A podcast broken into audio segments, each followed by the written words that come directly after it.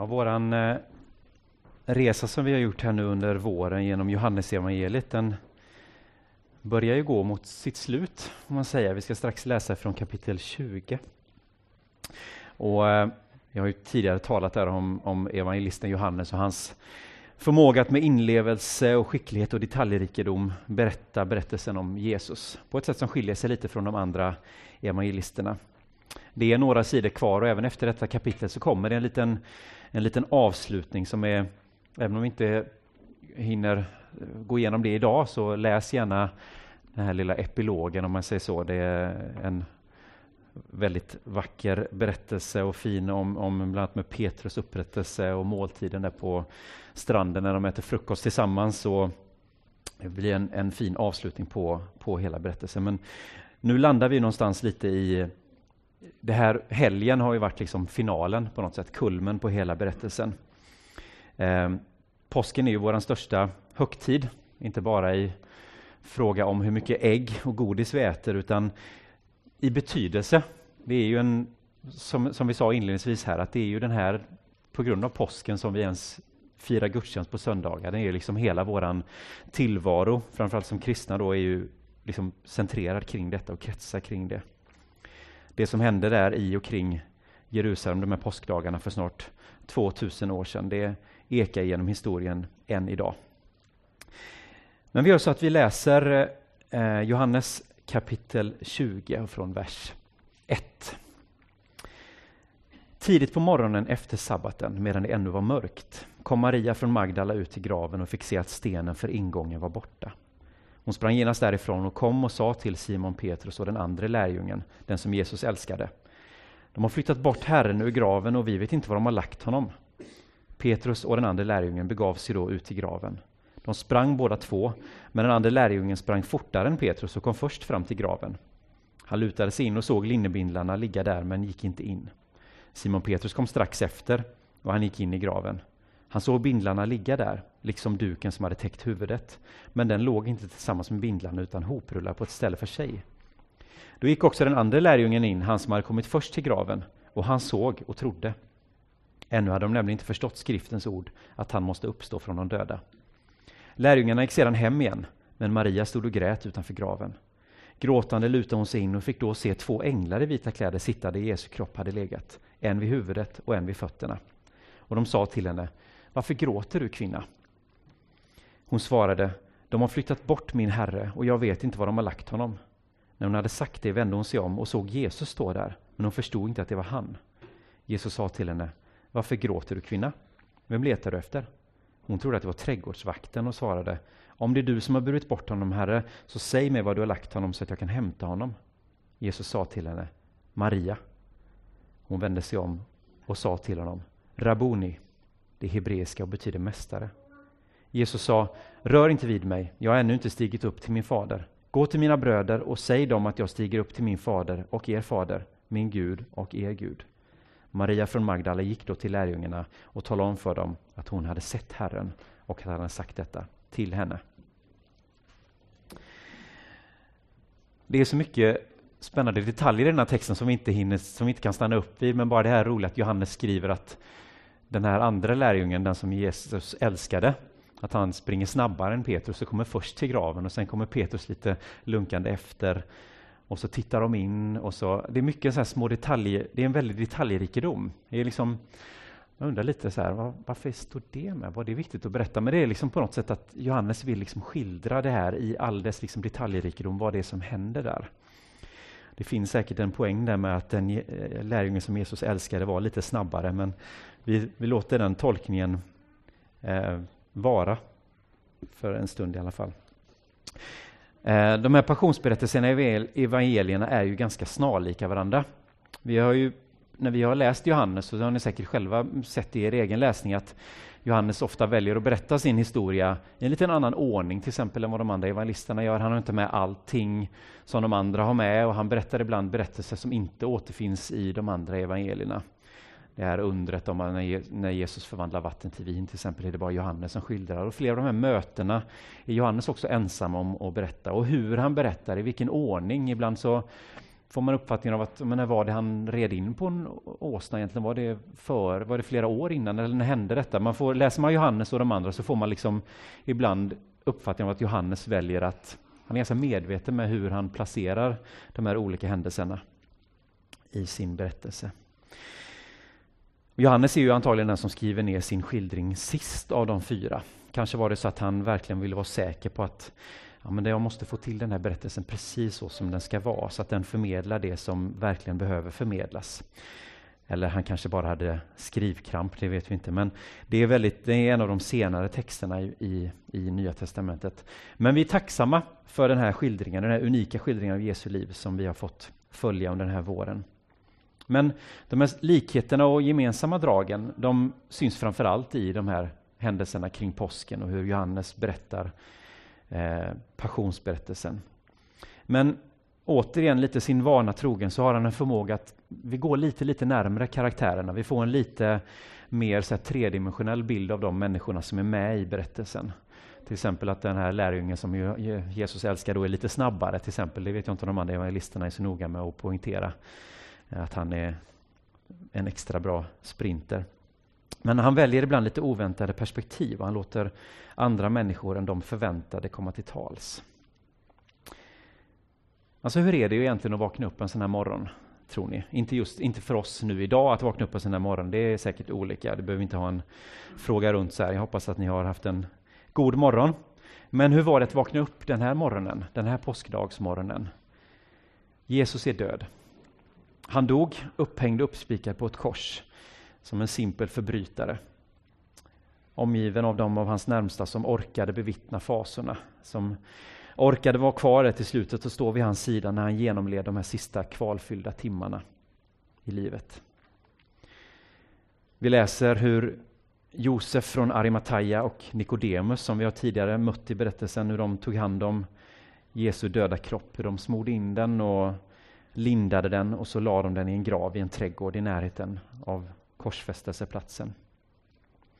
De här senaste 36 timmarna, vi läser att Jesus uppstod på den tredje dagen, vi hade en liten fundering här innan gudstjänsten, innan vi började, var tredje dagen, det är ju påskdagen. Är det verkligen tre dagar som går? Jesus är ju inte död i tre dagar, men ja, jag tror att vi landade någonstans att vi måste räkna långfredagen som första dagen, påskafton som andra dagen och, och påskdagen som tredje dagen. Så Jesus uppstår där på den tredje dagen i alla fall. Men de här 36 timmarna som det nu är, någonstans mellan 36 och 48 timmar, det är ju liksom som, som har gått då sedan Jesus dog. Det måste ha varit ett fruktansvärt mörker. Först är det ett mörker rent bokstavligt talat. Johannes skriver inte detta, men de andra evangelisterna berättar ju att ett mörker sänker sig över jorden när Jesus hänger på korset och som varar i tre timmar innan Jesus ger upp andan. Men jag tänker också på det här själsliga mörkret, den här sorgen, den här tomheten som måste ha drabbat. Eh, genomblir den här påskaftonen och långfredagskvällen och liksom bara har blivit, ja, allting har blivit undan liksom ryckt undan eh, under fötterna på en. Liksom på, något sätt, på något sätt att man, allt det som man har byggt sitt liv på har raserats. Och nu då, på påskdagens morgon, när vi kommer in i kapitel 20, då har Jesus precis lagt sig i, i graven i, i eh, kapitlet före, så är det egentligen en ganska oväntad karaktär. Alla evangelisterna berättar att det är kvinnorna som kommer först till graven, men i Johannes redogörelse så är det Maria från Magdala som kommer först. Och i Johannes berättelse så dyker hon inte upp ens förrän vid korset. Första gången som hon nämns vid namn, det är som en av kvinnorna som står vid korset tillsammans med Jesu mor och är där när Jesus dör. Eh, och om vi håller oss till Johannes redogörelse, vilket jag tror är enklast att vi gör, för det är ganska mycket förvirring kring vem är Maria från Magdala och historien har inte direkt gjort henne någon rättvisa. Men det väcker ändå en intressant fråga. Varför är det just Maria, en kvinna som bara 13 versar tidigare har introducerats i berättelsen? Hon kommer in väldigt, väldigt sent. Hade det inte varit bättre om någon av dem som följde Jesus hela vägen, att det är Petrus som kommer först, eller den här snabba lärjungen som Jesus älskade. Varför är det inte de som är först vid graven? Varför är det Maria som kommer dit? Um, någon av de självklara hjältarna borde det ju vara. Och så är det istället en liten så här bikaraktär som inte ens är, hon är inte ens Maria med stort M, utan hon är Maria från Magdala. Det är inte Jesu mor ens, utan det är en, det är en annan Maria som kommer dit. Men det är ju en ganska så typiskt Johannes att han låter de här karaktärerna lite i utkanten, i periferin, få komma till tals. och de oväntade vittnena som får berätta om vad som händer. Um, och Maria hon upptäcker att graven är tom. står att hon springer tillbaka, hon berättar vad hon har sett och hon berättar också om sina misstankar att det är någon som har flyttat Jesu kropp. Det är hennes liksom, första reaktion, det är ju att någon har varit här och flyttat undan kroppen. Och vad är det som har hänt? Och håll lite i minnet här, nu har vi, när vi läser den här texten så, så berättar Maria två, berättar, hon berättar två gånger att någon har flyttat kroppen, men hon gör det på två olika sätt. När hon kommer tillbaka och pratar med Petrus och den här andra lärjungen då som följer med tillbaka, så pratar hon i lite bredare termer. Hon säger att Herren, någon har flyttat Herrens kropp. Eh, och vi vet inte var de har lagt honom. Eh, och sen då när de följer med tillbaka, tittar in, ser linnebindlarna och så står det att de går hem igen, Petrus och den andra lärjungen. Men Maria hon stannar kvar.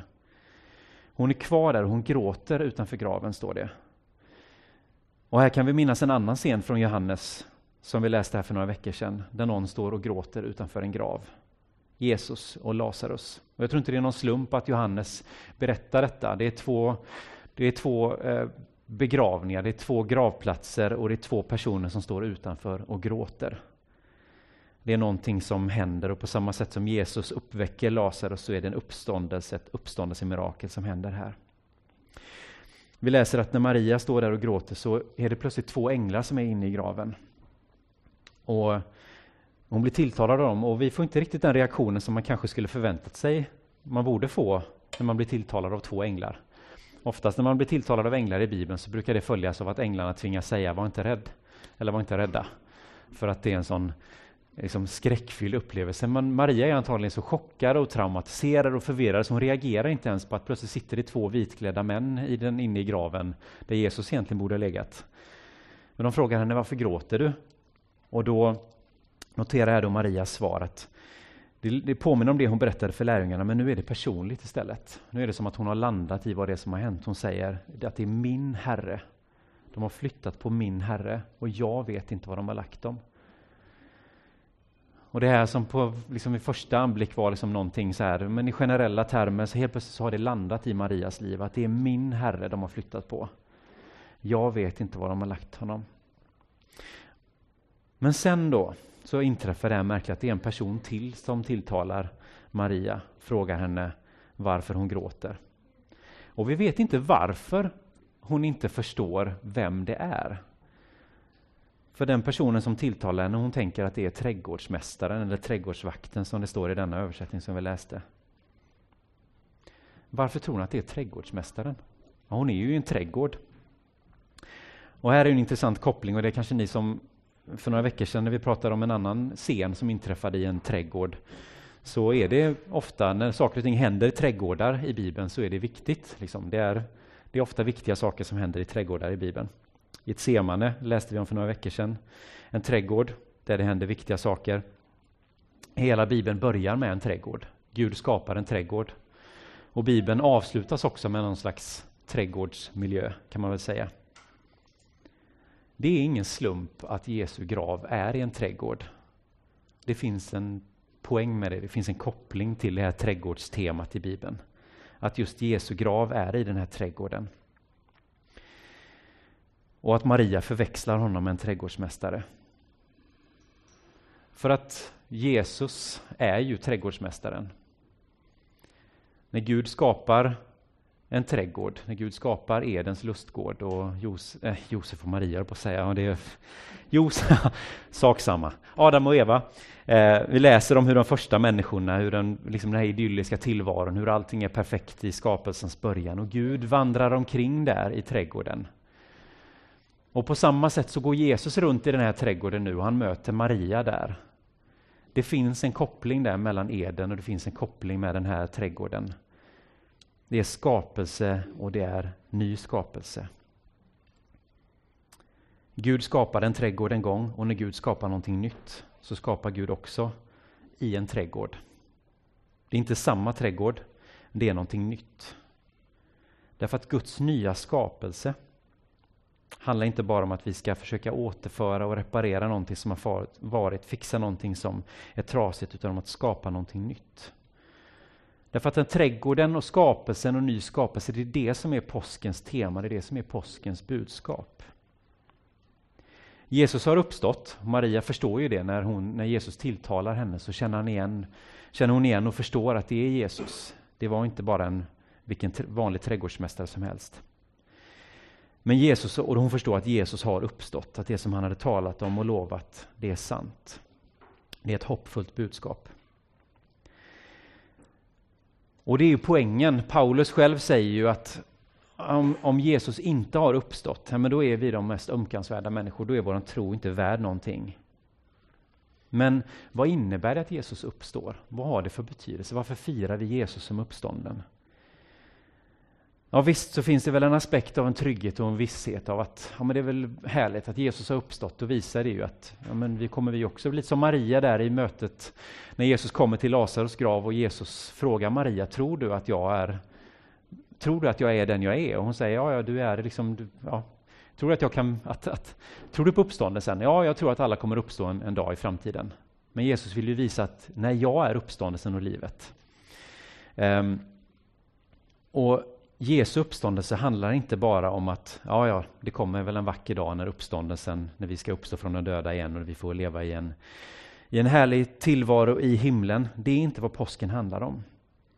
För att påsken handlar om att eftersom Jesus har uppstått så har Guds nya skapelse börjat. Det är det det handlar om. Och Guds nya skapelse är en upprättad värld. Jesus säger inte när jag jag ska uppstå igen och sen ska jag ta med er alla härifrån och så ska vi vara i himlen. Utan Bibelns budskap är att Jesus kommer till oss. Jesus kommer oss till mötes. Jesus kommer hit för att upprätta allting. Guds nya skapelse är en upprättad värld. Det är till skillnad vad, mot vad många kristna tror, vad jag själv fick höra och trodde när jag växte upp, att ja, men Gud har ju en ny skapelse på gång. En ny, det måste innebära att den här gamla ska försvinna. Det kommer ju en ny himmel och en ny jord. Då är detta den gamla jorden och det är en gammal himmel. Och vad gör man med den? Nej, men den kommer väl att brinna upp. Det är väl ingenting att ha. Det är lite så här en kosmisk slit och släng-princip. Att nej, men nu är den gamla jorden förbrukad. Då kommer det väl en ny. Det är väl så Gud gör. Men så gör inte Gud alls. Utan Gud återupprättar. Gud uppväcker från det döda. Det nya som Gud skapar kommer ur det gamla. När vi läser om att det är en ny himmel och en ny jord så är det egentligen, ska vi egentligen läsa som att det är en förnyad himmel och en förnyad jord. Därför att Gud tar det som redan är och gör någonting gott av det. Det nya som Gud skapar kommer ur det gamla. Nytt som i förnyelse. Inte som i att vi kastar bort det gamla och köper in något nytt. Vi läser ingenstans i Bibeln om att Gud har tänkt ge upp sin skapelse. Tvärtom så läser vi att skapelsen är god när Gud skapar, så är, vad, är det, vad är det vi läser och upprepar om och om igen i skapelseberättelsen? Det är att Gud såg att det var gott. Det var gott, det var gott, det var gott. Det är en god skapelse. Visst är den drabbad av ondska och lidande. Vi behöver inte se särskilt långt ut i världen för att se hur ondskan fortfarande härjar. Hur våran skapelse lider. Hur klimatet lider. Men Gud har inte gett upp. I Romarbrevet 8 så läser vi hur skapelsen väntar, lider som i födslovåndor och väntar på befrielse. Suckar gör den och väntar på att få återupprättas. Någonting nytt är på gång. Jag ska se om vi kan få se en liten bild här på skärmen. Syns det? Det är lite, lite mörkt. Man kan titta på den skärmen där uppe ovanför entrén om man vill ha en lite ljusstarkare bild.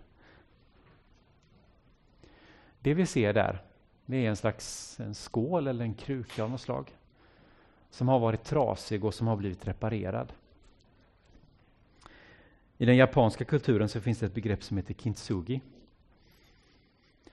Och I de japanska tehusen så serverade man, och kanske fortfarande i traditionella tehus, så serverar man teet med väldigt fina serviser. Och om de här kopparna och skålarna, eller kanske rättare sagt när de här kopparna och skålarna går sönder, för det, det vet ni själv, porslin går sönder, även det man är mest rädd om, eller kanske snarare det man är mest rädd om, det är ofta det som går sönder. Någon stöter till det, ramlar i golvet och så går det sönder. Det man gjorde då, det var inte bara att hämta en sopskyffel och så sopar man upp det och så slänger man och så tänker man, ja, det var den koppen, nu tar vi och tar fram en ny istället. Utan de här kopparna och skålarna i sig är ju fantastiska konstverk, otroligt värdefulla. Men det man gjorde då, var att man, eller det man gör, är att man tar de här, det här porslinet, keramiken och det nu är och tar med det till en kintsugi-mästare. Som är en som är expert på att laga keramik och laga porslin. Och sättet man gör det är inte bara att man tar lite superlim och så sätter man igen och försöker man få det att se exakt likadant ut som det var. Utan man fyller igen sprickorna med guld. Så att man får ett, det blir ett konstverk av detta. Och de här kintsugi-lagade kopparna är ofta mer värdefulla än vad originalet var. Om det finns en bättre bild för hur Gud är så får ni gärna berätta det sen. Men jag tänker att det är precis så Gud gör. Gud tar det trasiga och reparerar det. Inte så att det ska se ut som att det inte har varit någon spricka alls. Utan fyller i de här sprickorna och visar att här var det trasigt. Här fyller jag i med guld. Här blir det någonting ännu bättre. Det blir någonting ännu vackrare när det är färdigt. I första Korintierbrevet 15 så pratar Paulus om uppståndelsen. Han har en lång redogörelse, det är ett jättelångt kapitel, det är 58 versar. Vi ska inte läsa hela den, vi ska bara läsa en vers. Men i det kapitlet så gör Paulus en lång genomgång av hur det ska bli med uppståndelsen. Därför att folk har haft frågor om detta. Hur blir det egentligen när de döda uppstår? Vad kommer hända? Vad händer med våra kroppar? Hur fungerar det? Och Paulus gör en lång, lång redogörelse för hur detta kommer bli. Väldigt detaljerad och väldigt avancerad och inte helt sådär självklar, vilket i och för sig är ganska förståeligt med tanke på att det här är saker som vi inte har ord för riktigt. Vi har inte begrepp. Vi kan inte, Paulus kan inte säga så här blir det med uppståndelsen, så här ser det ut, här har jag en uppståndelsekropp och så ser ni hur det funkar, utan han pratar om någonting som vi inte, vi inte vet hur det är riktigt. Men han försöker förklara.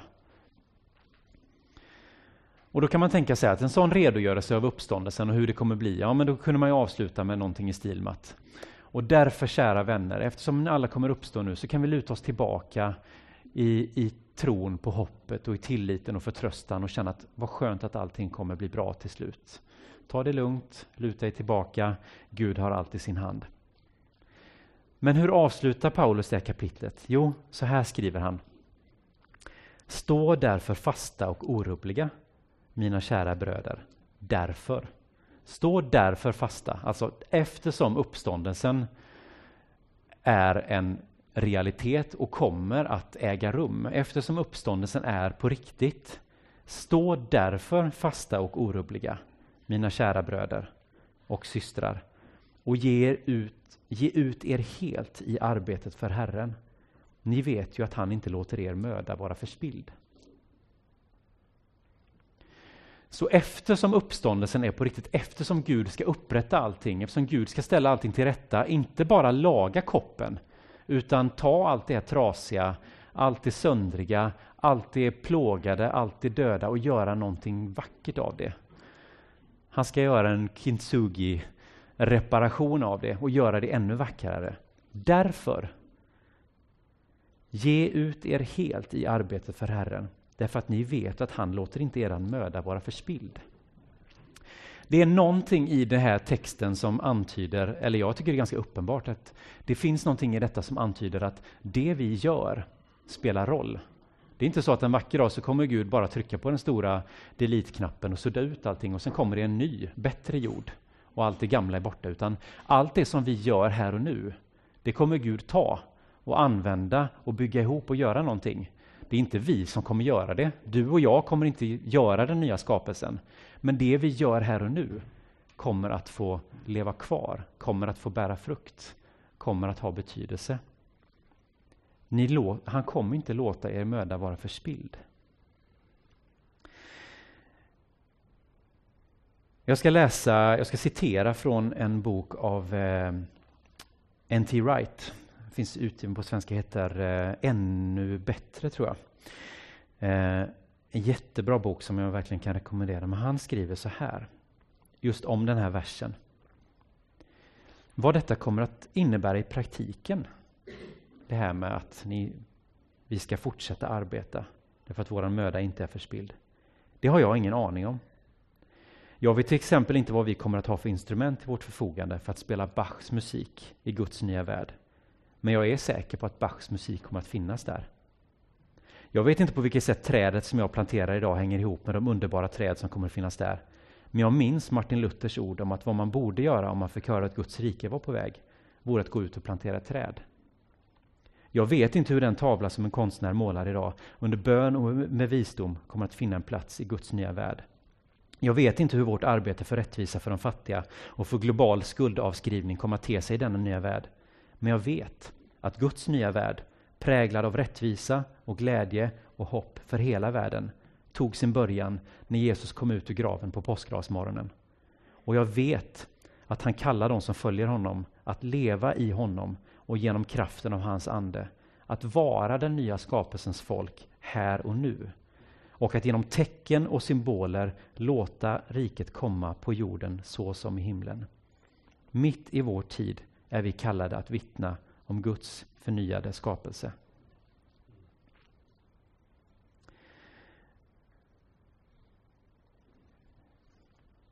Jag läste en berättelse av en japansk eh, konstnär som heter Makoto Fujimura.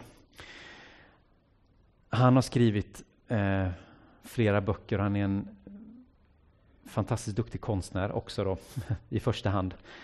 Men han pratar lite om det. Han pratar också om det här med den nya skapelsen. Han han berättar, pratar också utifrån den här versen och han sa att han hade en liknelse som jag tyckte var så fin. Han sa att tänk er att det är en, det är en dag på stranden och det är en pappa som är där med sin lilla son eller dotter. Barnet bygger ett sandslott på stranden. Pappan ser det här fina sandslottet och vet att men, vågorna kommer så småningom att skölja bort det här. Men pappan är arkitekt. Och det barnet inte vet om är att det här fina slottet som barnet gör i sand, det kommer pappan att bygga upp i full storlek, full skala liksom. Och liksom ta det här som barnet har gjort, det här sköra som inte liksom egentligen är värt någonting och göra någonting bestående av det.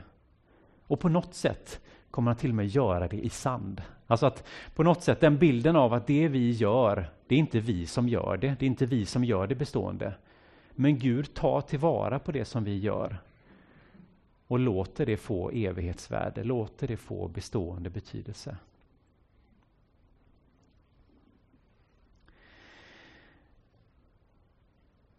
Och det är vårt hopp.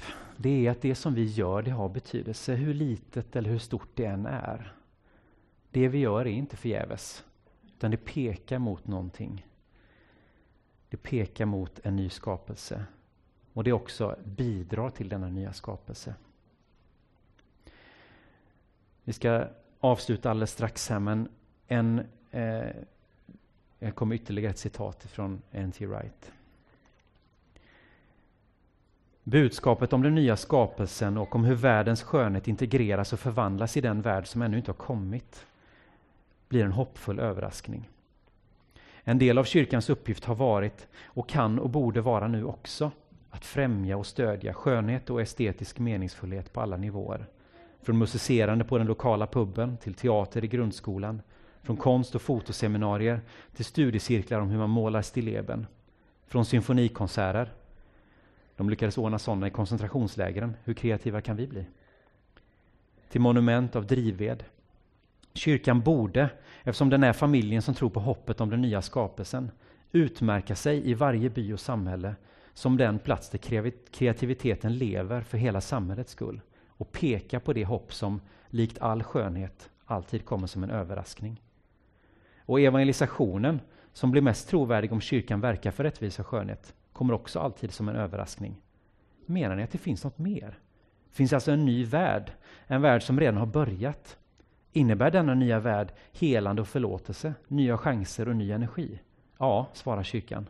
Och denna värld utbreds genom att människor tillber den Gud till vars avbild de har skapats, följer Herren som bar deras synder och uppstod från de döda och låter Anden bo i dem och ge dem nytt liv, ett nytt sätt att leva och ny inspiration. Det påpekas ibland att de platser där det verkligen saknas hopp inte är de samhällen där industrin har slagit igen eller där landskapet berövat sin skönhet, utan de områden där det finns för mycket pengar, för mycket finkultur och för mycket av allt utom tro, hopp och kärlek. Men också till sådana platser och till de sorgsna människor som bor där kommer budskapet om Jesu död och uppståndelse som goda nyheter från ett avlägset land. Nyheter om ett överraskande hopp. Amen.